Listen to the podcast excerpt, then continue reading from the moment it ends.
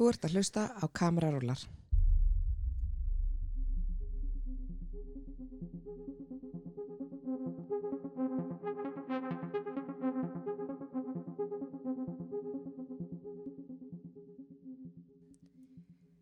Ég heiti Marja og sitt hérna í Nóa Sirius Studio podcastöðvarnar og hjá mér eru Maja og Bríett. Verið velkomnar. Takk fyrir. Takk fyrir. Við erum þáttastjórnundur þessa hlaðvarps og ætlum að nýta þennan nýjársþátt í að kynna okkur og örlittlar breytingar á hlaðvarpinu. En við þrjár verðum hér þáttastjórnundur og Bergrún okkar sem að stopna þetta með mér, hún mun uh, mögulega detta inn og út annarslægið í þáttum. En að örleiti ætlum við bara að kynna fyrir ykkur uppsetningu þáttana og ég ætla að byrja og segja ykkur að umræði þættirnir þeir breytast og munu vera kallar hér eftir POV eða Point of View. Og þar verða fyrir, tekið fyrir efni úr bransanum og þróanir á alls konar hlutum tengdabransanum. Við myndum mögulega að fá til okkar fólk til þess að ræða um einhver ákveðin málefni eins og við höfum verið að gera. Og þetta er þá málefni sem tengjast bransanum, mögulega ræðum við þetta millir okkar, okkar skoðanir og jafnvel þróum kvikmynda eða bransans yfir höfuð. Og e, við höfum tekið upp nokkur svona þætti eins og við tókum upp Alla og Elja sérna fyrra árunni ef þið hafi ekki lusta á hann og síðan e, Otni Sen kom í þróun jólamynda en þetta mun vera bara algjörlega opið efni og kemur út einu sinni í mánuði. Uh, við ætlum að halda í pick-up þættina sem er opið efni, stýttir þættir og þessir þættir eru þematingdir og við ætlum sér sagt að ræða efni tengt bransanum eða kvikmyndum og þetta eru stýttir þættir í kringum 20 mínútur og við verðum alltaf með eitthvað eitt þemað í hverjum þætti fyrir sig. Síðan eru það sleit uh, þættinir sem eru viðtalsþættir. Eru, þá fáum við til okkur svona skemmtilega viðmælindur sem að koma í spjall og segja okkur sögur, tengt þeirra feril og bara alls konar. Síðan er það uh, box office þættirnir. Sem er algjör nýjung. Algjör nýjung og hérna þar ætlum við að taka svona, þetta er svona auka bónustættir þar sem verður fjallað kannski um nýliðina atbyrði í kvikmyndabransanum og, og eh, kvikmyndir, leiksýningar og allt svona bara auka sem að okkur dettur í hug, eitthvað kannski sem er í gangi núna. Akkurat. Þetta er svona uppsetningin á þáttanum og við erum mjög spenntar fyrir þessu. Við förum mögulega í stutt fæðingarálof allar saman í lok janúar en komum sterkar inn bara aftur í februar. Eh, við ætlum líka að kynna fyrir ykkur á næstu dögum nýja heimasíðu og ég held að það sé kannski bara gott ef við byrjum að kynna okkur. Já. Já. Eh, ég skal bara byrja. Ok, geggja. Ég, ég heiti Marja Araseli og er 31 ás. Er kvikmyndagerðarkona, leikona, viðbyrjastjóri og dansari. Wow. Já. Um, ég hef unnið að sem sagt alls konar auðlýsingum, útskiptamyndum og kvikmyndaskólanum, tónlistamyndbundum. Já og bara stefni á strax eftir fæðingarálof að halda því bara áfram og svo er ég með þetta podcast með ykkur. Mm -hmm. Já, ég á maka og vona barni. Já, til að mingi. Takk. Mér langar til þess að vita uh, að því ég veit að þú fóst í nám til spánar. Já. Hvað var til þess að þú fóst þanga og viltu segja okkur aðeins hvers konar nám þú fóst í? Já, um, ég einhvern veginn öll mín ár sem dansari ætlaði mér alltaf bara að vera dansari og var búin að vera í einhverjum uppsetningum í áhuga leikusum hérna, uh, tengt bara skólanum mínum þegar ég var bjóð til dæmis í keppleik og þá var ég þú veist í uppsetningu slappaði af eftir Valgir Skakfjörð og fannst óslega gaman að vera á sviði og leika og svona. Og ég einhvern veginn ætlaði mér alltaf að fara að læra meira um þetta þá sem að var sko 2010 en gerði það bara aldrei. Og svo uh, árið 2017 þá er ég í vinnunni og dætt inn á okkar síðu sem er með dönskum uh, háskóla í dansi sem er dans dönskum dansháskóla. Og ég var bara eitthvað djöld langa með að fara í þennan háskóla. Og fór að skoða mig til um þetta og eitthvað og fór síðan að hugsa hvort það væri kannski bara allt í lagi að fara til spánar og skoða það. Og prófa að skoða og rakst á skóla sem heitir ESAM og ég fór að skoða þann skóla og prófa að senda þeim post og aðtöða hvort að ég megi bara koma að skoðan Mhm. og í november 2017 þá fer ég bara rosalega óvænt þetta var bara í oktober sko þá fer ég bara rosalega óvænt að skoða þennan skóla og þegar þau taka móti mér að þá segja þau við mig nú ert þú orðin 27 ára Mhm. og þá áttu ekkert mikið eftir í dansheiminum Já, Að vera Já, 27 ára. ok. þetta er svolítið eins og að vera fótboltamæð þú ert kannski ekki eitthvað rosalega mikið að dansa til færtugst, þú getur það samt alveg sko Mhm. en þú veist þá þarf þú bara að vera búin að vera professional lengi skilur Mhm. þú þarf að byrja professional ferðin, ferðin 28, 9, 30 skilur Já. og þegar ég er að sérst er í þessu viðtali við skólastýruna að þá segir hann bara við mig að þú ert orðin 27 ára og hvernig líst þér á að byrja bara núnast að fyrir að býða í eitt ár eftir að komast inn Mhm. og ég bara núna? Og hvað mennur með núna? Hún bara, já þú mátt bara byrja morgun. Já. og ég bara ég er ekkert byrjað á morgun í bíó Íslandu bara í fullri vinnu og mann og hús og þarf Mhm. bara einhvern veginn að rætta því. Og hún bara, já þú mátt líka koma inn í síðasta lagi um áramótin. Og ég bara eitthvað ok, ég skal skoða þetta. Og svo bara fer ég heim og ræði þetta bara við fjölskyldurinn mína og maka minn og svona. Og það er bara tekin ákvörðin ég bara fæ að hætta í vinnunni fer og fleiti spánar í janúar og fer í þennan skóla og kemst að því að sem sagt, Antonio Banderas er sem sagt hluti af þessum skóla eða hann er svona, þú veist, hann vigði þennan skóla og allt sem gerist í þessum skóla fyrir gegnum hann og Vá. Er hann svona alúni? já, í, raun, já. já, í rauninni sko og hérna og þetta er ógeðslega flottu skóli og ég sé ekki eftir að hafa farið en náttúrulega lín lánaði ekki fyrir honum Mhm. og þetta var, þú veist, ég kunna alveg spænsku því ég fer út en þetta var samt bara eins og að fara til Indlands. Þú veist, ég, það var eins og ég skildi ekki neitt þegar ég kom aðna Mhm. ég var bara, hvað er ég búin að koma úti og þau lofuðu mér að allt geti verið kent á ennsku og allt og það var alls ekki þannig. Nei. sem að var kannski mesta svekkelsi þú veist, það var ekki það, ég vildi ekki tala spænsku ég gata alveg tala spænskuna. Já, því þú ert náttúrulega hálfur spánveri. Þegar það reyndi á og ég þurfti á því að halda að fá eitthvað þýtt fyrir maður ennsku þá fekk ég það ekki Já. og það gerði þetta bara mun erfiðara en ég náði samt að klára eitt ár á fimm mánum Mhm. Vá. já, tók bara öll próf í einum rikk bara í februar, byrjaði í janúar Já. tók öll próf sem þó, þau tóku fyrir áram og tók þau í februar og þetta var alveg, þetta var rosalega stránt, þú veist, við vorum bara í tímum fyrsta ári vorum við í tímum frá tíu á mótnana til áttu á kvöldin Vá. Og það var klukkutíma pása klukkan tvö. Um, þú er engan tíma á milli til þess að fara á milli tíma en samt þurftur að skipta um fött og mála þig og breyta útlitinu einu og allt eftir í, hvað tíma þú varst að fara.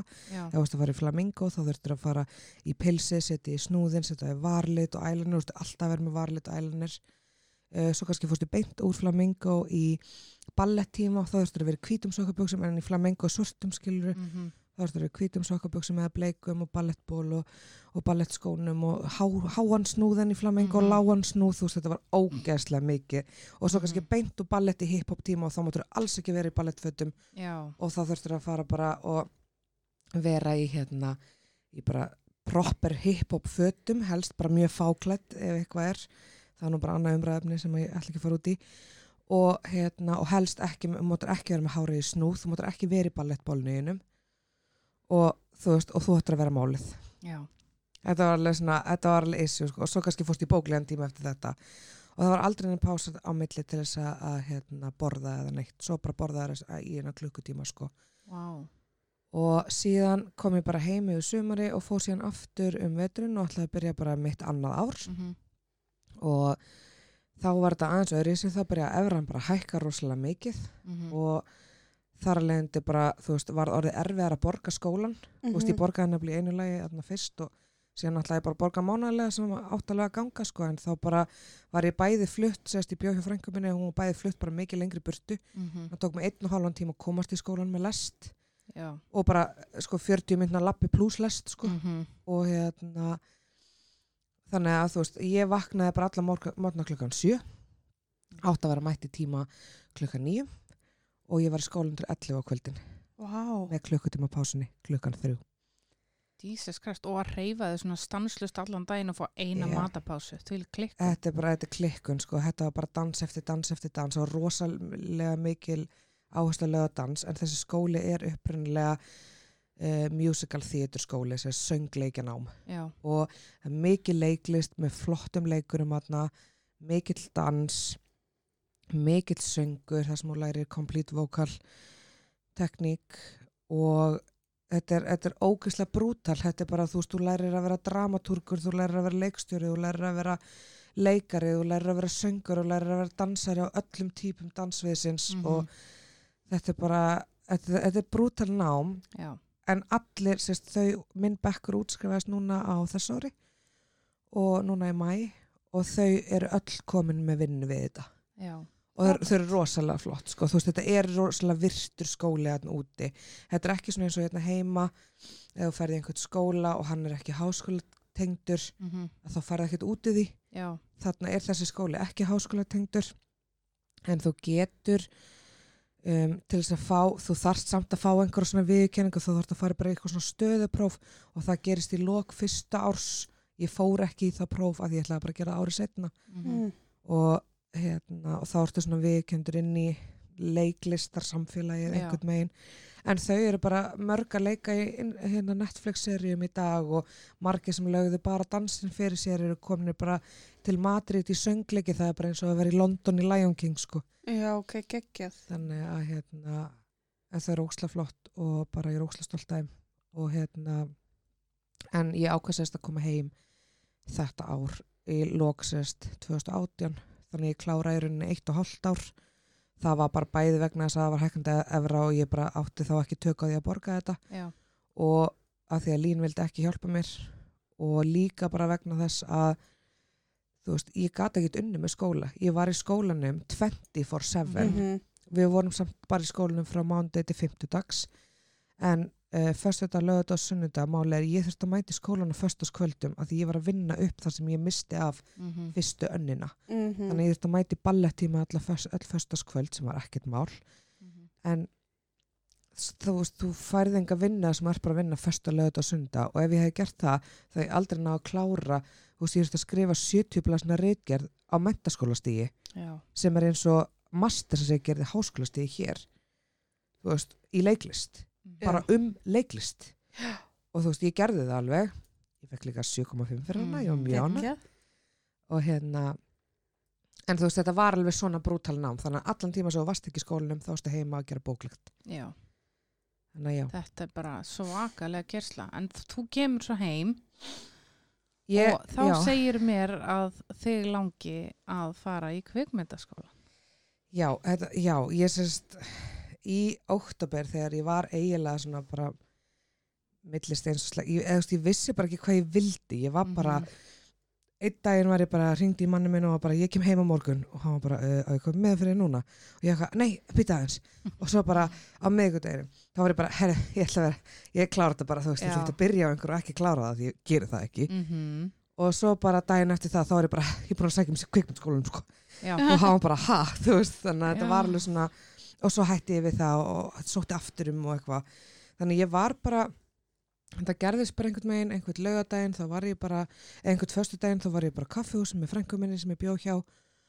Og þú veist, þær vissu alveg að ég, var alveg pínu ósátt í skólanum og mér, þetta var orðið bara ókslega brútali erfitt veist, fyrir manneski sem að fekk ekkert mm af þeirri hjálp sem ég var búin að byggja um eins og þetta að fá bara námsefni mitt á ennsku, ég gæti Mhm. alveg skila því á spænsku en þú veist á fyrsta árinu þá var þetta allt öðris því þá var ég bara með mjög góðan kennara í einu -hmm. í semst leiklistasögu og ég mátti sem sagt uh, skrifa svörum mín á ennsku í prófinu Mhm. en ég fekk þær á spænsku Já, já. skil, ég bað um að fá þær bara á spænsku ef ég mætti bara skrifa þær á ennsku þannig að svöri mín er þið betri Já, og hann fekk bara tólk til þess Mhm. að fara yfir svörum mín Já, já, já. og ég þannig náði ég prófun annars ég aldrei náði þessum prófum Mhm. skilur Einmitt. að því ég get alveg tala spænsku ég skil hann alveg en að- að skrifa hana síðan bara undir pressu skiljiði Einmitt. mig og sko notabenni í þessu prófi leiklistaprófi þá var ég með sko stærsta moskitabit sem að til er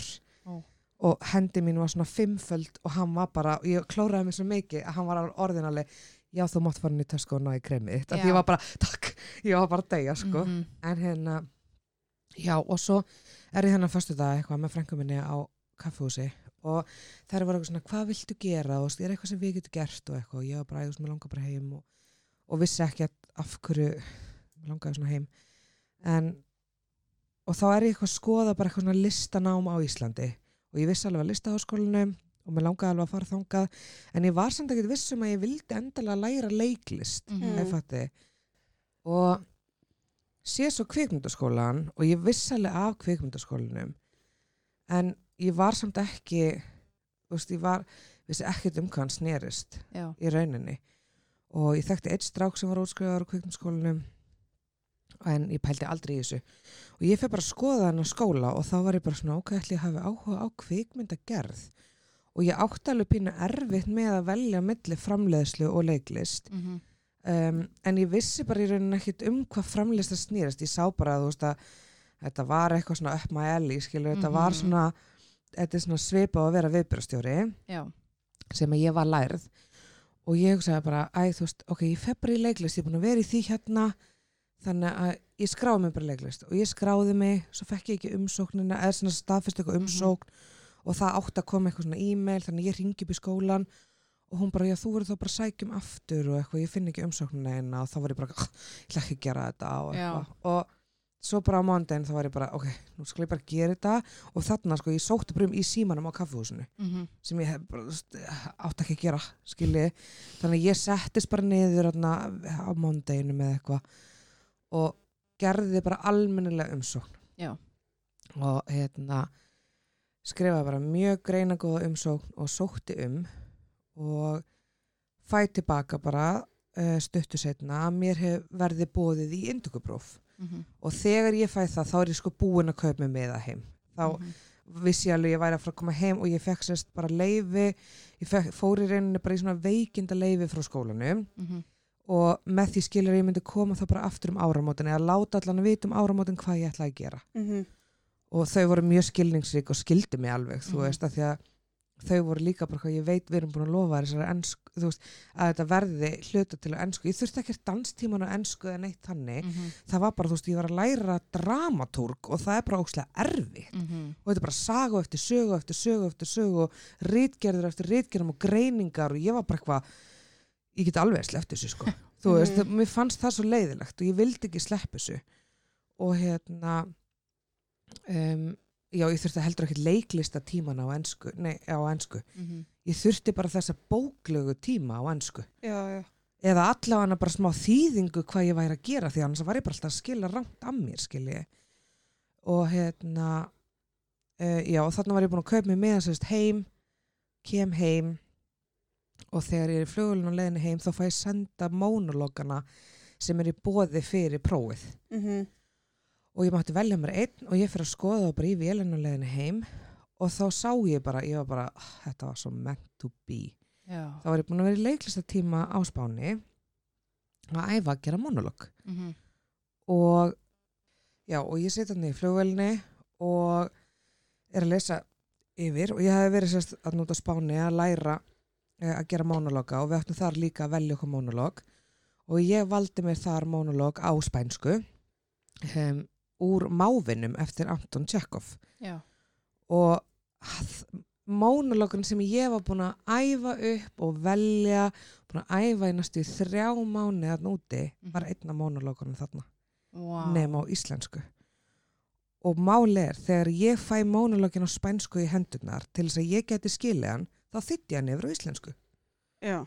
þannig að ég nánast kunnan Já.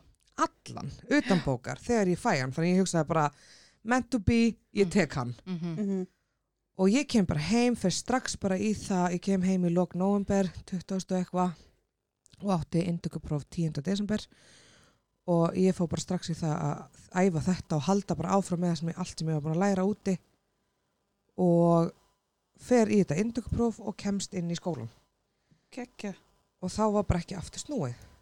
Núna að því þú segir að þú ert búin að læra viðbyrða stjórnun Já, og að því þú fórst í leiklistanám já, og þegar þú byrjar í kvikmyndaskólan þá byrjar að framlega á fullu já. og Mhm. þú ert búin að framlega alveg ótrúlega hluti ja, mikið að efnu og svona hvað hva varð til þess að þú byrjar að framlega svona mikið? Um, ég veit það ekki. Þetta er bara svo mikið í henni. Þú ert bara Já. snillingur, þú ert skiplaðasta manneska sem ég veit um. Þetta er bara svo Mm. auðvelt fyrir þig. Já, það var eiginlega bara svolítið þannig, sko, ég eh, fer að tala við strák sem heitir Ármann og er að útskrifast úr leiklist þegar ég er á fyrstu önni í leiklist og uh, ég sé að hann auðlýsir eftir framleganda og ég einhvern veginn bara býð mig fram á þess að vita í rauninni hvað það er Mm -hmm. Og hann vildi, ég var bara, ég, ég er skipulög, þú veist, Mhm. og hann var alveg til í að fá mig og hann í rauninni leiti mig í gegnum þetta svolítið. Um, ég hef ekki getað gert þetta ánans því að hann er líka bara ótrúlega klár í kvikmyndabransanum eða í svona.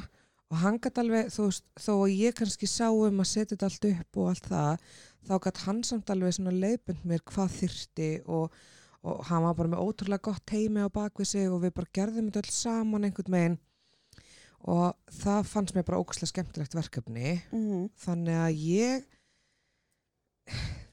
veit ekki, ég bara ákvaða gera þetta Já, og Já. síðan bara sér fólk Þetta- hvað þetta er ótrúlega vel gert hjá þér að þá bara ferða að vera svo svakalega eftirsóknarverð í þessu. já, er bara vatt upp á sig hjá þér. Já, og þetta eiginlega vatt upp á sig og ég einhvern veginn, ég bjóst ekki alveg við því kannski að það yrði bara ár eftir ár haft samband við mig vegna þessara framleiðslu af því ég einhvern veginn, þú veist, þetta var ekki það sem ég ætlaði mér að gera, Nei, skiljiði en mig. í raun má segja að þú hafir útskrifast sem leikona og, og, og hérna framleiðandi. Í rauninni, sko. Ég fer sérst beint úr þessu Tinder Girl sem er útskiptamyndinans Ármanns, mjög skemmtileg mynd, í að vera aðstofaframleiðandi á mynd sem heitir Pappi minn Já. og hérna og var í sérst framleiðslu hjá uh, hún er Margrét og hann heitir Sigfús og voru ótrúlega flotti framleiðendur sem að framleiðu þetta.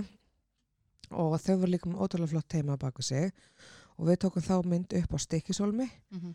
og ég sá um sagt, að að finna í sagt, krú þar og vera með svolítið svona skipulagið bara. Og þau kannski sá um svona stærri hlutina. Og í kjölfari á því þá fæ ég allt í hennu bara ógeðslega mikið af útskiptaverkefnum önninni eftir það. Og þessi mynd vinnur síðan uh, Bjarkan sem er aðalvelun skólans. Já. og síðan fer ég á þriðjön þá er ég að framleiða sérst, jökul sem er yngvar og Axel eiga. Og hún vinnur til veluna líka. Og þannig að þetta fór svona einhvern veginn já og þegar ég er að framlega jökul þá er ég líka að framlega mynd sem heitir til hamingi með amalið og er líka aðaleikuna í þeirri mynd. Og þannig að þetta er svona fór bara að vinda upp á sig þar þú veist og svo bara þegar ég er að útskrifast sjálf að þá allt í enn er ég komin með uh, þú veist myndina mína og er að hjálpa til við myndina hans Artfinns sem hefur komið í viðtalina hjá okkur áður og líka segjur spekja bróða minns og ég var nú kannski ekki eitthvað aðal framlegandi en, en hérna en var samt, þú veist, var bara með gott heimi aðna sem að hjálpaði mér og svo þegar ég útskrifast þá er ég strax líka með þrjár aðra myndir í bígerð Já. í heldina er ég búin að framlega 12 útskriftamyndir, eina þriðja annar mynd og eina e, fyrstu annar mynd Vel gert. Þú ert algjör ofur kona. já, En takk fyrir það Marja, hver er samt draumurinn? draumurinn minn Já, e, draumurinn minn er að vera í söngleik. Já, ok. í Vá. leikhúsi sem, e, sem bara leikara dansari sönguri Já, Ég sé þetta. Já, það er alveg draumurinn minn sko, mér bara hvort sem það er að vera bara leikona eða bara söngkona eða bara eh, dansari, ég er engin kannski söngkona en, en hérna, það er svona draumurinn minn.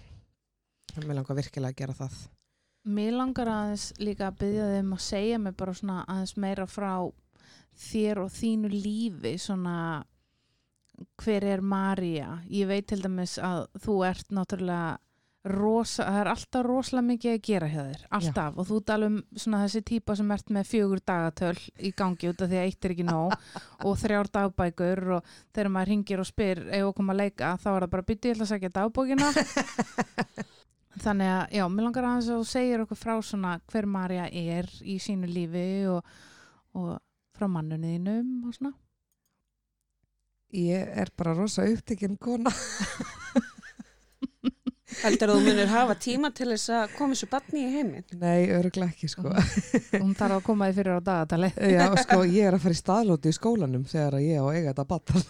mm Þannig að við þurfum eitthvað að, hérna, rótara dögum þarna, sko. Já, Um, já, nei, í dag er ég bara í bí í hvergeri og að mann sem heitir Hlinur og við hefum vonað okkur fyrsta barni og ég er alltaf upptíkin, rosalega upptíkin en þannig funkar að ég bara best mhm, bara eins og góðum framleganda sæmir. Mhm.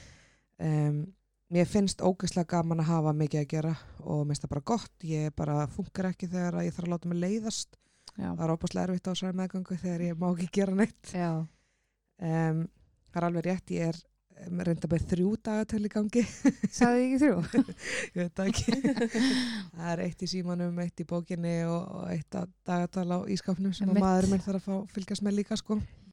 já, það er kannski ekki neitt svona í bígerð akkurat núna sem ég er að gera nema eiga þetta barn, en ég er í Háskóla Íslands líka. Mhm. Hvað ert að læra þar? ég er að læra grunnskólakennaran með áherslu á leiklist. Og það er ótrúlega skemmtilegt nám og er einmitt með ármanni sem ég nefndi áðan í því námi. Og þetta er, já, þetta er virkilega skemmtilegt nám. Ég, kannski, ég er ekki vissum að ég kannski stefna á að vera beint grunnskólakennarin Nei, en þetta gefur mér alveg grunn í að kenna leiklist já. Og- Já, góð viðbútt. góð viðbót og þetta er skemmtilegt nám. Og gefur þér fleiri tækifæri. Gefur mér fleiri tækifæri algjörlega og meðfram og meðfram þessu er ég sem sagt að taka diplómu í spænsku líka Vá, í háskólanum. Marja Já. Chill, sko Hvenar hefur þið tíma til þess að sofa? Uh, ég hef fullt af tíma til þess að sofa sko. Miklu meira heldur en að mér finnst því þurfa sko. Hún er bara á hundra fyrir þegar hún vaknar þanga til hún fer að sofa Já, sem svo, vaknar hún og byrjar aftur já, svo var ég að starfa uh, á leikskóla í hveragerði núna í haust í 60 starfi en er komin í fæðingarólof núna þannig að við sjáum bara hvað kemur út úr því. Það var rosalega fínt starf sko. Já, svona auka on the side. On the side. Já einmitt. Svona bara við þessar auka fimm minútur sem þú hefur. Já. En til þess að klára kannski svona alvöru draumi minn um, hittir er svona draumórar sem ég langar virkilega hefur alltaf langað síðan ég var krakki. En alvöru draumur minn er kannski bara að stopna framleyslu fyrirtæki og, en vera samt líka að leika sko. Já, veist, ég hef mikið áhuga á báðu og langar að gera það vel og er kannski svolítið líka að taka mig pásu núna því ég fór kannski pínu fram á mér í þessu framlýslu dæmi og við kynum það alveg um, og þarf bara að kynna mér það betur því ég er náttúrulega engin lærði framleiðandi Mhm. en þú veist, er samt ég veit alveg ég er góð í því sem ég geri Já. en ég fór pínu fram á mér og uh, læri bara því þannig að ég er bara tilbúin Mhm. Fyrir það, næsta Já. áskorun Ég veit það alveg að það mun ekkert líða langt þú tekur að það er tíu verkefni viðbátt í einhverju sko. Já, þannig að þetta er svona Þetta er Marja þetta er, í- þetta er Marja Þetta er þú. Ég heiti Marja. Hæ, Hæ. En ég hef alltaf verið köllum Maja og það einfaldar mjög mikið lífið þegar maður á vinkonu sem heitir Marja Jú, jú, og búin að vinna mikið með henni. En ég er svo sagt uppalinn á Ísafyrði og er mjög stoltur Ísfyrðingur. mm. Ég byrja svona í listum þegar ég er svona 6-7 ára þegar ég fer í tónlistaskólan á Ísafyrði og byrja að læra á fiðlu og ég lærði á fiðlu þang til ég var 19 ára og þá flutti ég hingað söður sko og á meðan ég var í tónlistaskólanum þá pröfaði ég líka að læra á blokkflötu og Mm klarinett og pröfa að læra söng líka og ásamt því að vera á fullu í íþróttum og svona auðvitað á skífum. Já, hafa nóg að gera. Bara eins og ég. Já, og einmitt, bara ef ég hef ekki ná eitthvað að gera, þá verði ég bara anstæðan við það þegar ég hef nóg að gera, þá verði ég bara þung og Já, svona þunglind í rauninni, sko. En ég flytt suður og klára stúdendin, en á minn ég er ennþá í Ísafjörð, þá er ég að taka þátt í, hvað heitir þetta, eins og solrísuleikritinu í mentaskólanum í Ísafjörði og er eitthvað að dandalast í kringum litla leikklúpin sem er áhuga leikfélagið og er já. Og sér náttúrulega bara enda með ég flytt söður klára stúdent. Sen er ég fer ég í pröfur fyrir LHI Mhm. og kemst ekki áfram og síðan sko ég var að rifja þetta allt upp um daginn og já, ég fer í pröfur hjá allá, ég kemst ekki inn skráði mig þá í Háskóla Íslands í Já. tónsind og félagsmálafræði og klára eitt ár þar Já. og á meðan ég er ennþá í tónstundafræðinni þá fer ég aftur í pröfur hjá LHI og kemst ekki inn og þá er ég farin að skoða skóla erlendis Mhm. og enda á að sækja um í eitt skóla og að því að þau voru með pröfur hérna heima og sem er Rose Bruford sem er í London Mhm. og ég fyrir pröfu og þau bjóðu mér pláss sem sagt í svona Acting Foundation sem er svona grunnnám Já. og ég flytt út og ótrúlega gaman og sen eru þe- þegar allir bekkjafélagi mínir voru að fara í pröfur fyrir aðra skóla eftir námið þá var ég eitthvað svona óviss og eitthvað, já, ég maður langar svo að fara heim og, og fer heim og þegar námið er búið. En síðan bara allt í einu skipti um skoðun, maður langar að fara í pröfur. Og, og þarna þegar síðan að því að Rós Brúford var með pröfur aftur á Íslandi stutt eftir ég kom heim. Já. og ég náttúrulega var með tilbúinu mónuloka sem ég var búin að undirbúa og svona. Og fyrir pröfu og bara æ, þú veist, kannski bara fínt að halda sér heitri, fara í pröfu bara til þess að leika sér og eitthvað svona.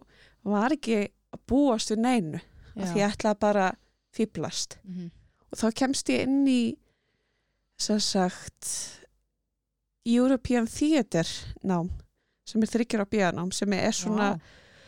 leiklistar nám og leikhúsfræði og það er lögð áhersla á að skapa sitt eigið efni og svona tilrauna leikhús einhvern veginn Mhm. Já. og ég ákvað að það í London líka fyrir ekki? ég það er í Rose Bruford Já. þau eru með nokkrar svona leiklistar deildir sem sagt þau eru með American Theatre sem er svona eins og Broadway bara söngleikja síðan eru þau bara með plain acting European Theatre og síðan actor mu- musician.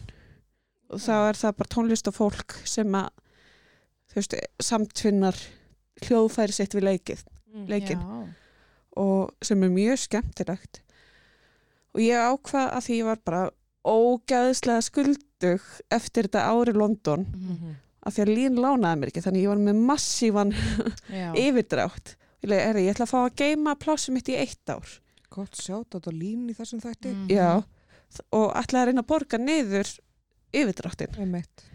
og séðan þú veist fer að líða að því að ég get fara uh, plásið mitt er að losna og svona og þá fer ég að skoða hvað kostar bara að fara í námið bara skólagjöld Og Og var þá lín ekki heldur að lána fyrir bíja? Jú, það var að lána fyrir bíja Ok. Og það voru bara 11 miljónir fyrir þryggjára nám og ég var ekki búin að borga allar skuldinu mínar Mhm. og þá átti eftir að reikna inn í dæmið uppihald og svoleiðis. framfæsluna. Já, Já. og ég, ég bara með þessa skuld að því að það er svo háir vextir á yfirdrætti Mhm. ég, ég bara, ég hef gefna á þessu og vera að taka lín og þú veist, ég verð bara döið áður en ég get borgað Mhm. eitthvað og sé Mhm. þetta lækka þannig ég fer ekki Sorglegt Já. þetta að lín uh, bara það, veist, þetta Einmitt. er ástæðan fyrir að maður ná ekki að klára draumana sína Já, en þetta er ég, ekki hjálp, þetta er, þetta Mhm. er svo mikið kvöð já. en ég er mjög þakklátt fyrir það að hafa farið þarna í eitt ár og farið í skóla í London og pröfaði allana já, Mhm, og þetta var bara, maður er búin að kynast fullt af hæfileika ríku fólki mhm, og bara ótrúlega gaman. Og ég var alveg til í að flytja aftur út bara til þess að svona pröfa að vera þar mhm. að reyna að sækja um vinnu sem leikona myndið eitthvað tíma langa að fara og halda áfram í þessu? Væri það hægt? um, Jú, jú eða þú veist, þá myndi ég kannski íhuga að sækja um uh, öðru í sinnám heldur en þetta. Einmitt. Og til þess að bæta á það sem ég hef. Já. en já, ég sem sagt fe- kem heim og uh, neita að þú segir bara ég get ekki tekið plásinu Mhm, og ég fer aðna einhvers tíman í þriðja skipti í pröfur fyrir LHI Mhm. svo Vel gert. Og bara til þess að halda áfram. Já, og fæ aftur nei. Og sen er bara ok, það er aftur pröfur hérna þú veist, næst ári af því að þetta er svona tvö ári röð mhm, pási í eitt ár já, og sen, einmitt, janúar 2019 mhm. þá fer ég pröfur í fjórðaskipti hjá LHI Þessi er svo Vá. flott hjá þér og bara, bara nei þýðir ekki nei Já. já, og ég er sem sagt, þetta er mjög góða æfingi að taka nei, af því að í þessum bransa þá fær maður alveg nei Einmitt. já og líka bara ég hef oft ert við til við bara, við bara fræga leikara í dag íslenska sem að fóru mörgum sinnum í pröfur í alla í já, en já. samt opbáslega Já. flotti leikarar í dag og já, fjórðaskipti, fjórða neið og í ykkur eimd og volæði þá og fíl ykkur yfir því að ella og ég vilji mikið og ég sé glötuð og eitthvað svona þá uh, fer ég og sæki um í kvikmyndaskóla Íslands. Mhm. og ég geri ógeðslega lélega umsókn bara á fimm mínútum og ég skrifa meðal annars að það var spurning hverju helstu hæfileikar þínir og ég skrifaði ég geri ókslega góða súkulega köku sem hún kom síðan oft með í skóla. Já, Þannig að þú Og- varst ekki að ljúa Nei. nei. Og ég sem sagt fæ bara daginn eftir eitthvað símtal og bara erðu við viljum fá þig hérna í pröfur getur koma á morgun Mhm. og sko ég, þegar ég gerði umsókninu þá held ég að væri að sækja um fyrir haustun Já, og ég leið, já, já, ég get alveg komið sko, þú veist, bara ekkert mál, á morgun bara já, Shit. en það var ekkert mál af því að ég var svona heppin eins og Marja Mm. að þegar ég var mig fyrir pröfunar í allhói Mhm. þá valdi ég mónológ og búin að undirbúa sem var síðan einn af þeim sem maður þurfti að velja hjá kvikmyndaskólanum. Mhm. þannig ég var tilbúin með efni. Já, þannig ég lega ekkert mál fyrir pröfur og stend mig ógeðslega illa að einmati og bara í einhverjum kvíða. Mhm. og síðan bara fer ég aftur í vinnuna þegar ég er búin í pröfu og bara uh, allan að ég, uh, ég reynir bara aftur setna Mhm. ég er alveg vun að fá nei og síðan bara þegar ég nýkomin í vinnuna fæ ég símtal bara hæ, heyrðu, nei, ég fæ tölvupóst til hamingju þú ert komið með pláss á leiklistabraut í kvikmyndaskólanum. Oh my god. Og, já, og bara strax. Já, og það er skólasatning eftir tvo daga.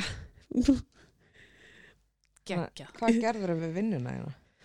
sko máli er, ég var að vinna á leikskóla í Kópói að ég fór bara beint til leikskólastjórans og sagði henni frá þessu Mhm. og hún vissi að þetta væri draumurum minn Einmitt. og ég var búin að vera að kenna elstu krakkar um leiklist og eða svona meira, Mhm. við vorum að kannski fórum í bókakrókin á leikskólanum ég var með elstu krakkarna og þau voru þau fengið að velja bók til þess að að því þau vildi gera leikrit út frá þeirri bók Mhm. og þá skrifa ég bara auðvelt handrit fyrir þau og þau veldu bæku, nei, búninga og props og eitthvað svona og síndu sér fyrir alla leikskólan Geggjað. og, og þetta var ókslega skemmtilegt og það er bara, já, herðu ég var náttúrulega með uppsagnarfrest og það er bara herðu, farðu í skóla, Já, gerðu þetta Mhm. og ekki láta okkur stoppa þig og ég er ótrúlega þakklátt þeim Mhm.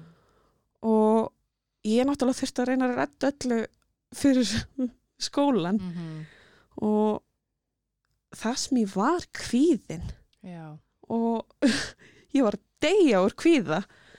En síðan byrja ég og það er bara, ég, ég vil meina að kvikmyndaskólinn þessi ákverðun að fara í nám á þessum tímapunkt í lífi mínu hafi bjargað mér svolítið. Já. og að kynnast einmitt æðislegu fólki og bara fjölskyldu. Mm og ég byrjaði þarna og það er bara ógislega gaman. Já. Þú kláraðir bara núna 2020. Já, ég útskrifast með þér, Já, 2020. já, og já, sér náttúrulega þegar ég flutti söður, ég glemt að segja frá því, þá fór ég í tónlistaskólan í Kóbói, af því að, um, talandi um kvíða, Mhm. ég vissi að mér langaði til þess að verða leikona en ég átti ógeðslega erfitt með að syngja fyrir framann aðra Mhm. og það er bara, ef ég söng fyrir framann aðra eða reyndi, þá bara frös ég, fór í massíðan kvíða byrjaði bara að gráta og ég gati ekki komið upp neinu. Úff. og ég seg, hugsaði með mér, ef ég ætla að vera leikona þá á ég geta sungið fyrir framann aðra. Best að skrá sér bara í söngnám. Og ég fór í eitt ár í tónlistaskólan Kópói og lærði hjá henni Önnu Júlíunu Sveinsdóttir sem er ópersöngkona Mhm. og fór í klassíst nám og reyndi og þú veist, ekkert mál Fyrir ekki að klassískt nám, er það bara klassísku söngur og Já. óperusöngur? og síðan fer maður var Anna Júlíuna alltaf á hverja ári með svona sett hún upp óperu Mhm. með söngnumyndina sínar Já. og sett upp töfraflötuna og hún hefði allar ekki að vera með og hefur bara gott að þessu og ég leiði, jú, jú, jú síðan að ég er að vinna í að yfirstíga kvíðan og ræðsluna og, og var með í óperunni, ég var bara með eitthvað svona lítið sönghlutverk Mhm. og en ég gerði þetta, við síndum tværa eða þrjá síningar af þessu Vá. og þannig ég er búin að vera taka þátt í óperu Já. og, en þetta er alveg einmitt, maður er alltaf að reyna að íta sjálfum sér yfir eitthvað mörg Mhm. Mhm. og ég held að það sé bara holdt en síðan er maður alltaf ykkur um kvíða yfir svo bara ah! Það verður svo rosalega berskjald að vera að syngja fyrir framann aðra. Þetta er, það er sko eitt að leika og það er annað að dansa en sko ég myndi, ekki, ekki ég myndi heldur, það er sko auðveldur að dansa hálf nakin heldur en að syngja fyrir framann aðra. já, já, þú veist, einmitt ég er búin að koma nakin fram og þú veist, í ykkur stuttmynd ekkert mál en að syngja og þú hefur verið með mér í söng- söngtímum hjá Þórun Ernu Klásen og átaki fyrstu önnin þá bara gerði ég ekkert annað en að gráta í þessum tímum. Mér fannst þetta svo erfitt. Mhm. og það er bara, það er allt annað í dag þó svo það komi ykkur kvíði. En sen er bara þórunarna er líka var alltaf bara svona no bullshit kona á mig. Já. Þegar hún var að kenna mér Mhm. þannig ég komst ekki upp með að láta Já. kvíðan stjórna Mhm. og það bara, það var svo ótrúlega gott En hvað, nú ertu útskrifuð á kveikmyndaskólinu, ertu að gera eitthvað núna tengt bransanum? sko, ég er náttúrulega hér með podcast með ykkur Já. En ég og Birta Rödd, vinkonum okkar úr kvikmyndaskólanum, Já. hún útskrifast önn og eftir okkur. Mhm. Við erum að vinna að hugmynd. Við erum með handrit í bígerð og erum Geggjað. svona hægt og rólega bara að vinna í því Mhm. og Er það eitthvað sem maður má segja frá eða um, kannski ekki strax? kannski ekki alveg strax og það, okkur langar svolítið að svona styrkja konur í Mhm. kvikmyndum og Sem er bara frábært, við stiðjum alla leið. Alla, alla. Að- og einmitt að því að uh, Birta er líka brún Mhm. að ætlit frá Indlandi Eh, hún hefur ofta upplifað það bara að því hún er brún og svona fá ekki jafn mikið af hlutverkum eða eitthvað svoleiðis Mhm. að við viljum svolítið einmitt vinna með það og hún sé ekki að fá svona típiska staðal ímynd Já. Einmitt, Indverska kvenna. já, og vinna bara gegn því Er flott. Það er frábært. já, Sjátt á þetta Byrtur út, hún er frábær. já, æðisleg En hérna, ég er ennþá líka forvitin um hver er Maja bara svona heima hjá sér og, og Sko, ég bý í 101 mm og ég flutti ánga, ég kefti það bara í fyrra en frekar nýflutt inn. já, Annars bara mikil pappastelpa, bjó lengi hjá pappa. já, En ég er bara ósköp svona róleg heima hjá mér. já, Prjóna? Já, og- þú prjónar vel. Já, og hlusta podcast og, Mm Og Fá- baka. og baka og svona, þegar ég er heima þá er ég svolítið í svona dulleri bara Mhm. og, og þarna, að baka eða prjóna og síðan finnst mér líka bara, maður er náttúrulega bílíðin á barnum þannig Já, að fara á happy hour og já, svona og hitta fólk að því maður hittir svo margar líka sem er í já. Einmitt. og Bara að sjá aðra á sína sig. ymmit, þannig að það er mjög gaman frábært. En hver er draumur þinn, Maja?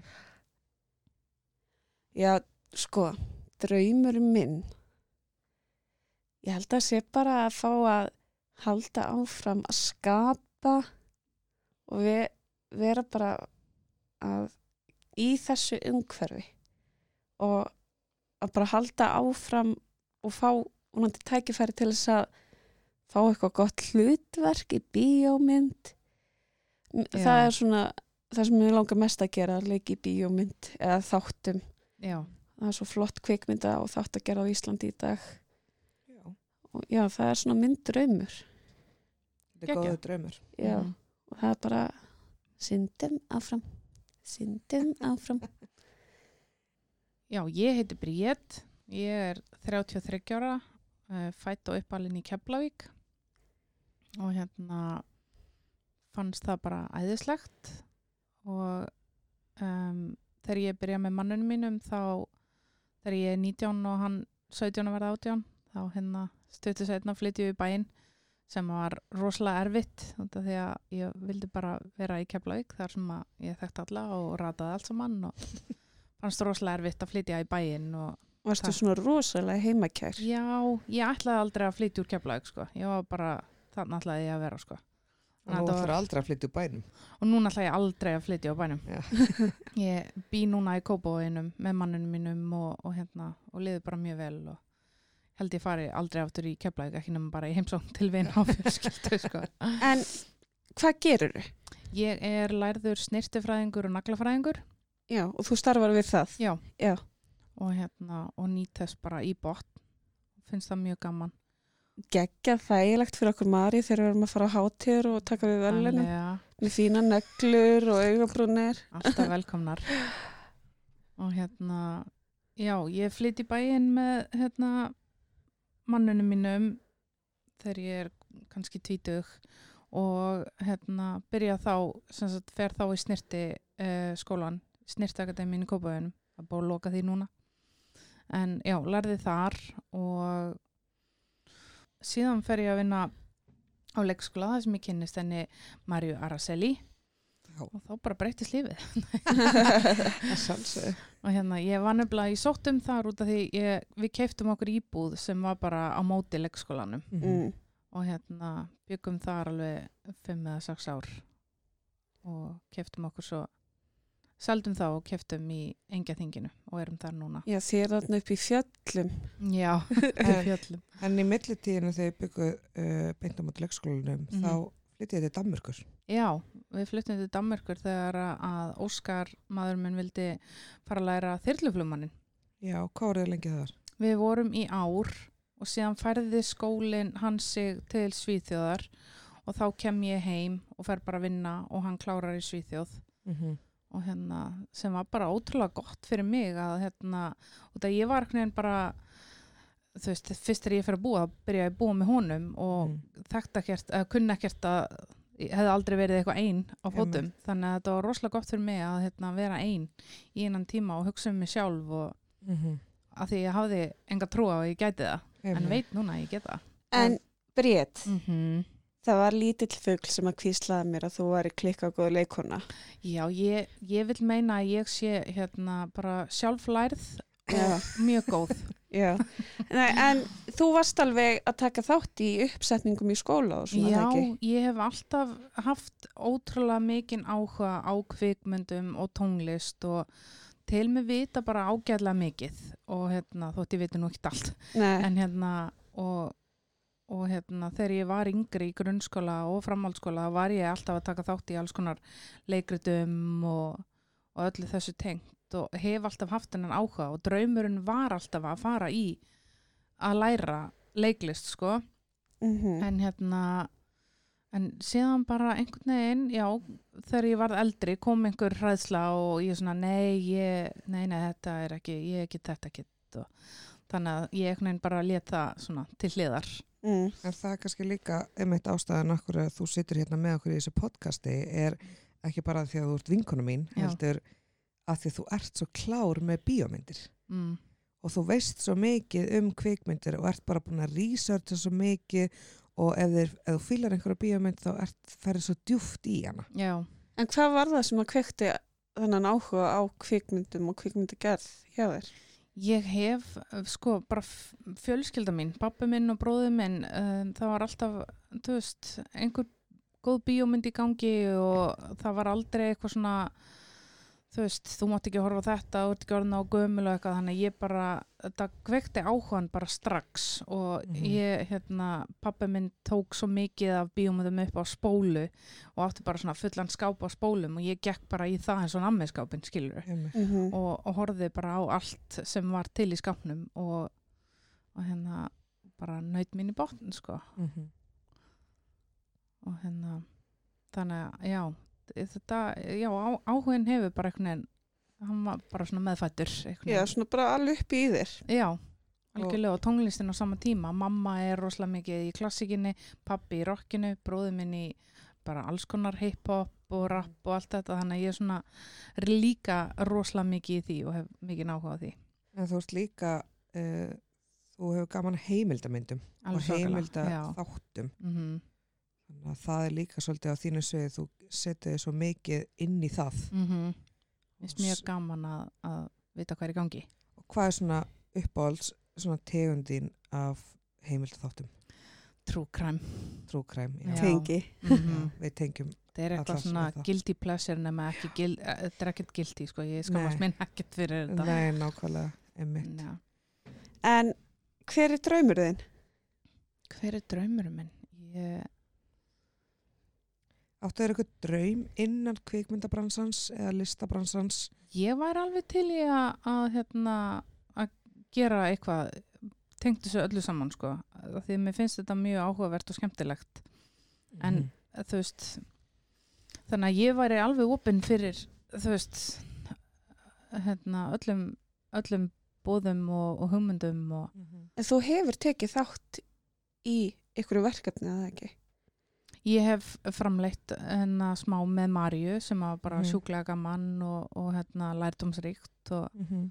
og ég er bara heppinn að, fá þann heiður að fá að vera með í því og sjá inn í hennan heim og, og þá einmitt kemur upp svona oft þessi gamli draumur bara, ah, hverju gerði ég þetta ekki þú veist en, Einmitt.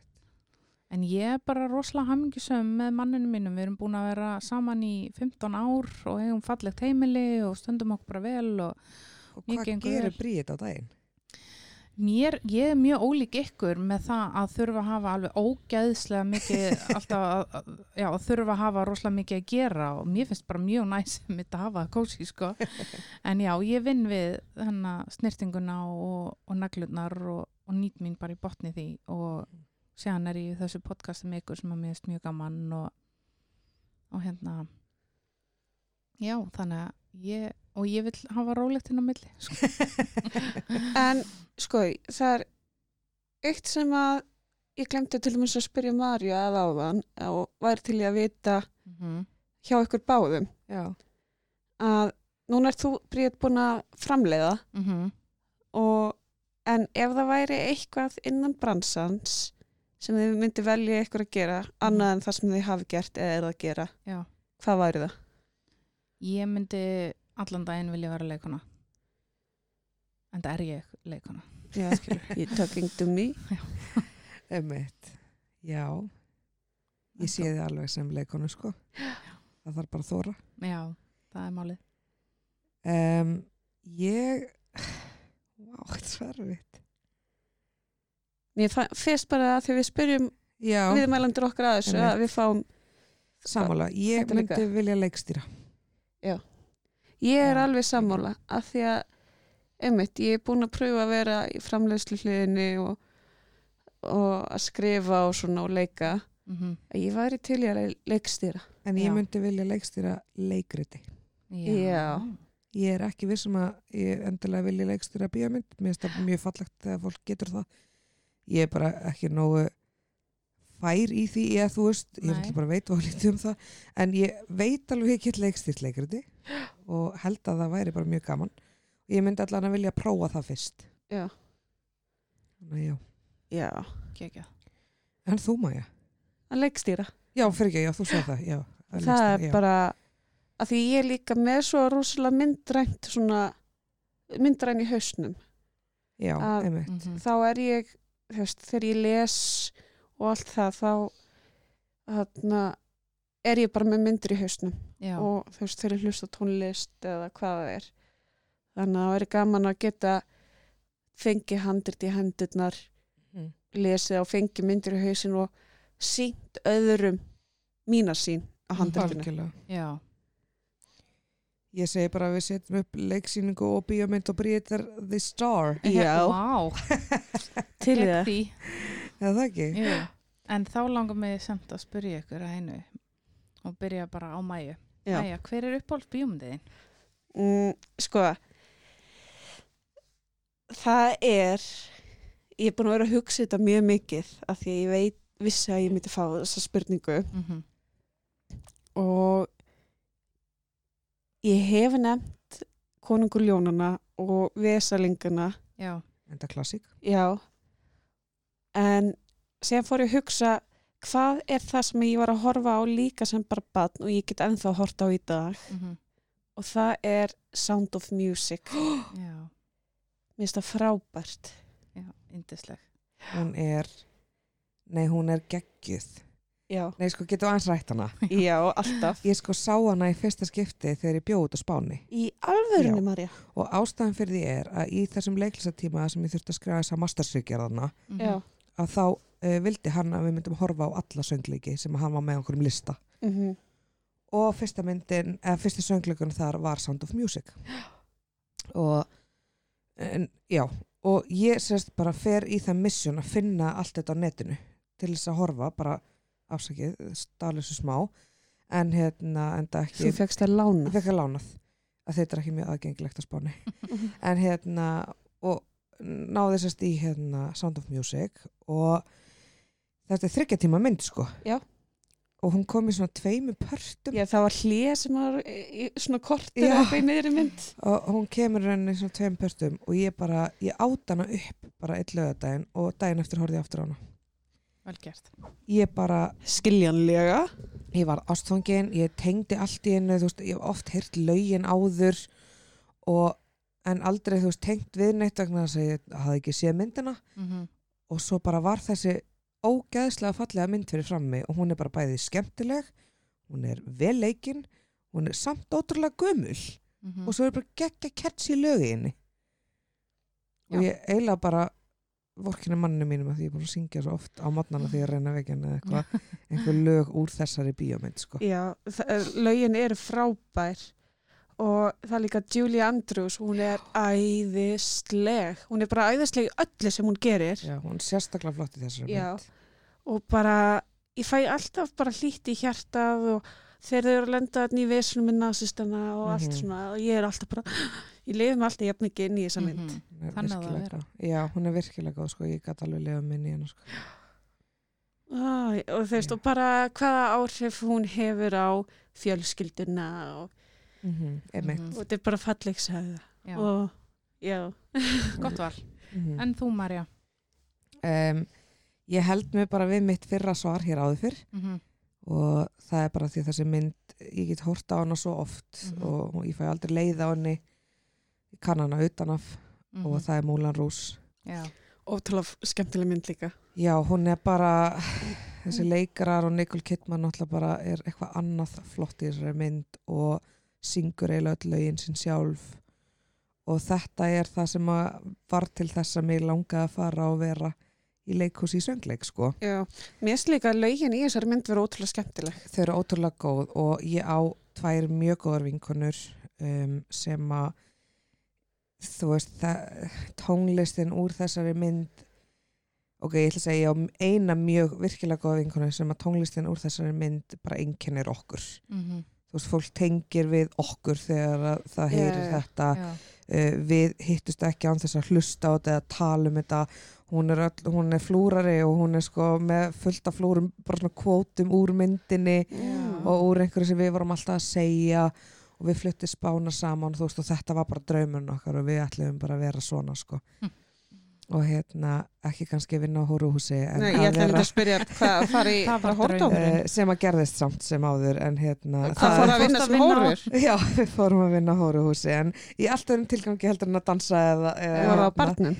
eh, við vorum svona PR þú veist, við vorum að fá fólkið inn Já, skiljið við auðlýsastæðin.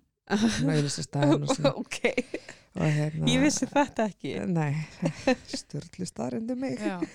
Nei, hérna Já, en þú veist, þetta er svolítið svona okkar Mhm. og alltaf þegar við sjáum kvót úr þessu og sendum okkur aðra og, og alltaf þessi postum mynda okkur saman og setjum við kvót úr myndinni og þú veist, þetta er bara er eitthvað svona tenging og svo að ég aðra uh, æskuvinkonu sem að hérna um, við vorum líka mjög mikið bara, þú veist, ég átt á geisladiskinn og Mhm. þegar að, þú veist, maður var alltaf með geislaspilaranum í Mhm. bílnum þá vorum við bara rúndinum að hlusta á múla rúsk og Mm. skiptast á að vera kallin og konan og þannig að I was made for loving you, Akkurat. baby. og ég var sko hérna um daginn eh, um daginn þegar þegar ég heldur babysjáður fyrir mig og fór út að borða með hlinn áður en að babysjáður var og þá kom eitthvað lag í, á veitingastæðanum og ég var bara, ég vildi bara stoppa allt ég var bara, hlinnur, heyrðu þetta lag og hann bara eitthvað, Mm. hvað lag er þetta eitthvað, hluti úr læginu þessi einu setning hlustaðu hún er úr Múlan Rús og hann var bara, Ah. já, flott alveg sama en hérna, já, þetta er svona mín uppáhaldsmynd. En hver er uppsmyndið þín bríð?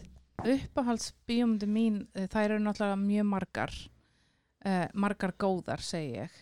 En síðan á maður alltaf svona eina uppáhalds sem þarf einmitt ekkit endilega að vera eitthvað það besta sem þú hefur séð. En það er bara eitthvað við hana sem að þú getur hort á hana aftur og aftur og aftur og það bara verður ekki þreytt. Mhm. og það er True Romance uh, handrit eftir Quentin Tarantino og leikstýrið af Tony Scott.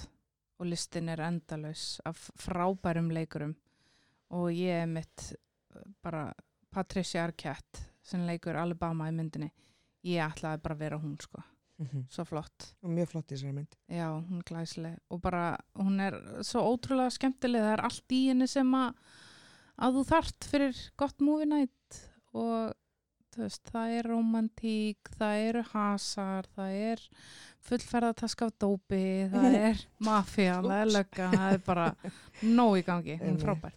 Þú ert svolítið Quentin Tarantino fan. Já, enda er ég, sko, ég hitt hann Já.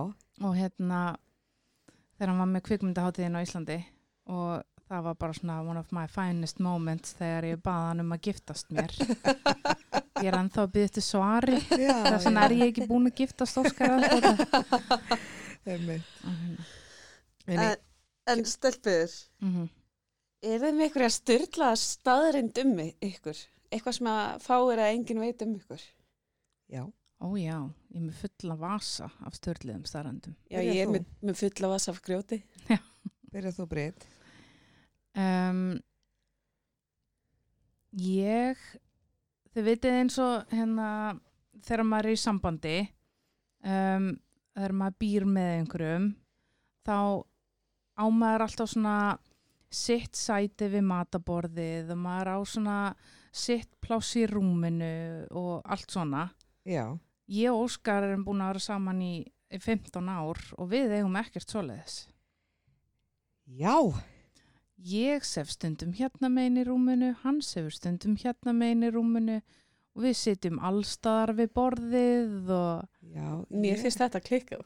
Já, ég Já. sko, þetta var það sem ég vakti, vakti fyrst aðtegli mína. Við erum, ég og Hlinur erum rosa mikið með Bríðt Óskari og þegar við svoum, ég og hlinni svoum alltaf sömu megin í rúmunu og Mhm. við sko skiptum um daginn þú veist þegar ég var svona nýjórun ólétt að ég var alltaf að pissa á nætunar Já, og að stittra frá hans megin mm á Mhm. klósitið og við skiptum og síðan núna í hérna november þá svissuðum við tilbaka. Já, og var bara eins og væri komin heim. Já. og hann bara, ah, þetta er best í heimi Og ég held þetta sé og alls svona. á, bara hjá flestum. En þetta bara einhvern veginn hefur aldrei Sko, gerst hjá okkur að, ég meir þess að ég sef ein í rúminu mínu mm en ég sef alltaf sömu megin. já, mér finnst þetta ótrúlega merkilegt Já. ég, hérna, ég er alltaf að förða mig á þessu ég kannski tengja ekki beint við borðið þú veist, jújú, þegar við erum tvö saman þá sittum við alltaf sömu megin já en ef að þið komið í heimsúr þá skiptir okkur engum Já, máli við algjörlega, sko. þegar það komið gestur og eitthvað svona, Já. þá breytist það en þú veist, stundum sitt ég sem sagt, þar sem ég horf út um gluggan eða Já. hann eða og eins og með rúmið, það er bara hver, uh, sá sem er fyrstur fær að velja En svo er þetta samt svo fyndið út af því að svo kem ég kannski heim til þín, eða heim til þín Maja og ég sest til dæmis alltaf á sama stað í sófan heima hjá ykkur eða alltaf á sama sætið við mataborðið. Ég Mhm. ger þetta bara ósjálfrátt. Já, Já, Og ef ég sett í annað sæti þá er ég alveg svona að mér er svo þægilega Já. að setja hinum minn. ég, mynd- ég upplifði þetta í gær heim með þér, Marja, Já. að þegar ég kom þá voru þið báðar í sófónum að horfa á eh, Bachelor eða eitthvað Já. og þú- Bríett satt á þínum stað og þú í mínum stað ég vissi eiginlega ekki hvar ég geti komið fyrir Já. sófónum þó svo verið nóg plás já, já, ég meni ég óska að gera þetta líka með sófan heima, stundum Já, já. er hann í stóra sófanum og stundum er ég í litla og Já, já. og, Já, þetta er alveg merkilegt. Sko. fyrstur kemur, fyrstur fara að velja, Já, þetta er bara já. þannig En þú veist, við erum ekki þannig að, þú veist, þetta er ekki issue hjá okkur, eins og ég segi, þú veist, þegar fólk kemur í heimsók, þá erum við ekki eitthvað, a-a, þetta er sæti hans lins, þú veist, við erum ekki þar, sko, Já, en, nei, nei. en það eru margir sem er eitthvað svona, er þetta ekki sæti hans? Eitthvað, svona, skiptir Já. engum máli, sestu bara. Já, En, uh, já, en þín Maja? Ég hef fengið vellaun fyrir besta ljóð í ljóðasamkeppni og líka vellaun fyrir bestu rítgerð í rítgerðarsamkeppni um framtíðasín Ísafjörðabæjar Vá! Já. geggjað og fengið ykkur ljóð líka útgefin í ykkur bók sem grunnskólan og Ísafjörði gaf alltaf út Já, Vá. skemmtilegt Já. Um hvað fjallaði reitgerðin? um framtíðarsín, eða hvernig ég Já. sæi Hvernig sást hana, segi ég? Uh, sko, þetta var þegar ég var í tíundabekk. Ég var alveg viss um það að Ruti gamla bakarínu var ennþá á lífi en og hún dó fyrir nokkrum árum en það, andin hennar er ennþá þarna Já. og ég man ég skrifaði að ég sæði fyrir mér að það væri búið að byggja upp gott svona háskólasvæði og svona stúdendagarða Ok. og að að það vantar alveg já. háskólan á fyrir vestan, það er háskólasetur en það er bara mjög þröngt svona hvað er hægt að læra í því Mm en já, og, einmitt, gott svona háskólasvæði og ég man ekki hvað ég skrifaði meira Varstu að hugsa tíu ár fram í tíman þá? 50 ár 50 ár? Já. Vá! Það er nú og, ennþá bara langt í það. já, og sko máli er að þetta var keppna á vegum Rotary klúpsins og Ísafyrði sem að þetta var 70 ára ammali klúpsins Mm og þegar ég kefti þá var búið að halda svona keppni einsna áður 50 árum áður Vá! og þegar í verðluna afhendingunni það var sér sagt lesi upp úr bestu rítgerðunum sem að voru 50 árum áður Mhm. og það var Já. ótrúlega gaman að sjá hvernig úlinga sáu fyrir sér Ísafjörðabæ á þeim tíma Já, Þannig að Veistu eftir 35 ára þá verður lesið upp úr þinni. já, geggjað já, Hlakka til að le- heyra um hana. já og ég, sko, ég veit ekkert hvar hún er Nei, þú veist, en Rotary klúpurinn er örugglega með hann með, eða með hann að segja Mhm. Einmitt. en þetta gerði ég, ég fekk eitthvað, eitthvað peningaverlun mannst Já. eitthvað sem þú sagðir Eða, Já, bara einmitt rutt í gamla bakarínu myndi vera ennþá lífi og já að, hérna, Það er bara mjög falleg hugsun með við 16 ára. já, sko, rutt í gamla bakarínu, það er bara allir ísfyrningar og bara á, bara allir elskuðu rutt í gamla Já. bakarínu. Hún var svo góð kona og, setti bara svona ekkert hægt að og sko stundum var hún að lauma kringlum og sætindum í mann yfir borðið og, og þú veist, Mhm. og, og hún var dönsk þannig hún talaði með svona íslensku með dönskum hreim og, og þarna og segja þegar hún var, alltaf, fór hún alltaf út með kringlur til leikskóla barnana og svona Æ, Mhm. og þarna hún var heiðurs borgari, Já. hún var frábær geggja. En þú, Marja, segðu okkur aðstæðarætt eða eitthvað sem fáir það enginn veit.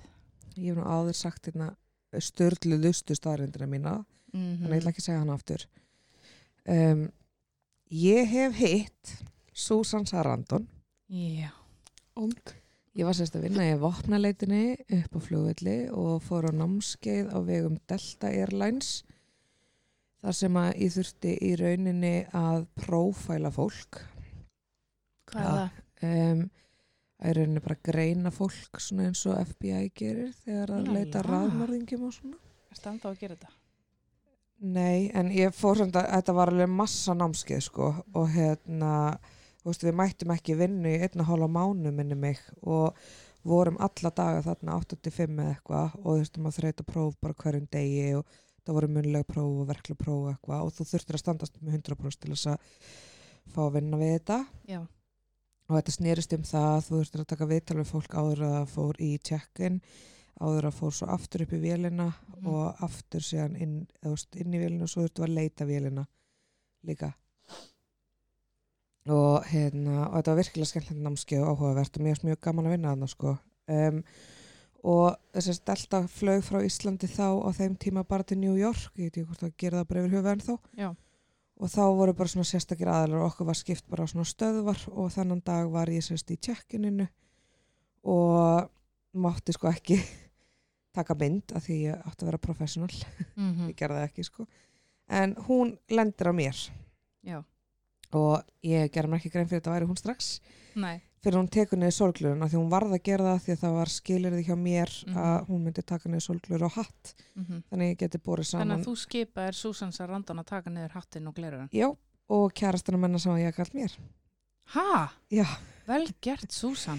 uh, og þetta var 2010 sko uh, hérna og þá var ég tvítug Já. og sem sagt uh, þá var sem skilirði fyrir því að, að því þurfti að sjá framann í hana Mm og bera sérst vegabrifi saman og ég ger það sé hana og ég bara og opna alltaf vegabrifi þá það er Já. alltaf bara Susan Sarandon -hmm. og ég fekk alveg svona ég fekk alveg svona sting ég var bara, þetta er bara hún Já. og ég er bara eitthvað svona, ég þarf að spyrja nokkra spurninga og hún bara, já ekki málið og hún flög líka hei, hingað með beltelta þannig að hún Mhm. hafði verið, veist, búin að fara í gegnum henni spurningadæmi líka, sko og hún var náttúrulega með hattinn og sólglurinn svo enginn myndi þekkja hana, Mhm. eða þú veist, svo er þið ekki eitthvað svona fjölmiðla fár, sko Mhm. og ég spyr hennar bara þessar spurninga og svona einhvers vegar í miðjunni, þetta voru tíu spurningar eitthvað, einhvers vegar í miðjunni að þá segir hún bara eitthvað, maður stoppa þig? Og ég Mm. bara, já. Og hún bara, mér finnst þú bara svo almennileg og svo verði bara hrósaði hvort með fallega neklus Oh. og þá var ég sérst með gerfi neklus sem var kona sem var að vinna með mér gerði á mig. Mm og hérna og hún hrósaði mig fyrir þær og var með svona gula neklur geðsætar. Og ég var alveg uppi með mér, ég var bara Já. takk fyrir Já. alveg og hún bara gefa rós Já, og henni, henni fannst þetta opbáslega almennlegt að hún bað um sem sagt að ég, að því að síðan þurftu voru, þeir sem voru í tjekkaninu þurftu síðan að fara í rauninni áður en og fóst inn í ranan í vélina og þá Mhm. þurftu að spura þrjá, þrjá, þrjár aðra spurningar sem að var í rauninni tengdu því bara hvernig atverðlið þetta á flugvillinu var Já. bara þannig að ekkert hafa gest eitthvað og hún baði um að ég myndi taka mótinni þar af því að hún Já. vildi ekki þú veist, út af því að hún náttúrulega þá þurfti hún að taka aftur niður sorglir og hattinn Já. skilur mig en þá gat hún allavega að gert það snúandi baki fólk að því hún vissi að ég vissi hvernig hún, hver hún væri Mhm. og hún fekk það og hérna og hún hrósaði mig fyrir hvað ég var almennileg og, og bara tók í hendur á mér og bara, já, bara dásamleg Vá, og bara sagði mig frá gaman. ferðinni sinni hérna á Íslandi og, og eitthvað og nokkur dögum set, setna þá hitti ég hérna Ryan Gosling og Evi Mendes. Já. ég hef ekki hitt neitt svona frægan sko. En að leðilegast að vita er sko að ég náttúrulega mátti ekki taka mynda þeim uh, með mér sko. Mhm. uh, að því ég var náttúrulega líka bara í vinnunni og ég er, var einkennisklætt og þetta var tengt þessu delta-dæmi þannig að það var ennþá strángara sko. Já, uh, ég hefði öruglega alveg gert það ef þetta hefði bara verið inn á flugullinum og ég hefði ekki verið í delta því það voru ekki allir í delta sko. Mhm, þannig að þú veist það hefði ég öruglega alveg svona heima fyrir myndaðir já, skilur en hérna en ég var ógislega uppi með mér að hafa hitt Susan Sarandon, ég hleypin á kaffestofu já, eftir það og ég var bara krakkar ég hitti Susan Sarandon á hann. Og þá var allir bara, hver er það? uh, Ah, og þarna var ég tvítug og ég hugsaði með mér ég er þessi unga hérna, hvað meinið? Hver, hvernig veit ég ekki hver Susan Sarandon er já, en svo komur Ryan Gosling og Eva Mendes og allir voru bara eitthvað, oh hitti Ryan Gosling alveg hérna Já, og ég já. eitthvað, var mér alveg sama sko Já. mhm. Oh my god. Já, og ég misti af henni Emmu Watson. Hún fekk að fara gegn starfsmannalið. Herðu, litli bróður minn hitt hann á skólaverustík. Já, ok, heppin. Já. Þegar hún hljópi gegn starfsmannalið, hún vildi enga aðtegli. hver segiru? Emma Watson, Já, já, já, og leikur í Harry Potter. já. En þannig að þú getur sagt I know famous people. I know famous people. Yes, I can. Og búin að, búin að snerta mig og segja sé næs. Er, Mhm. ertu búin að þúa hendurnar síðan? Nei, ég veit ekki. Ég er ekki Nei, að er styrta og ég, ég menna ég tel mig ennþá vera trúlega hennar Quentin Tarantino, sko. Já, Já, Ég er bara tvítrúlofið. Þið eru hérna, hitt alltaf frækt fólk. Þú Ég- ert bara ekki á réttum stað, Maja. Nei, ég er alltaf bara heima að prjóna. Ég segi að, að því að við erum með svo mikið að styrlegu staðrendum upp í, í pokahorninu okkar Mm á svona hálsásfresti á hendu við eina góða. Já, ég er sammála. Þannig að næst fáið þið einhvern tímann í sumar Já. Einhverja góða styrlaða staðrend. En ég held að við segjum þetta bara gott í dag. Já. Já. Og bara gleðilegt nýtt ár. Gleðilegt nýtt Já. ár og vonum að þið muni njóta nýju, nýja tegund hlaðvarpsins. Svona Nýja og ekki uppfærslu. uppfærslu uppfærð, uppfærða tegund hlaðvarpsins.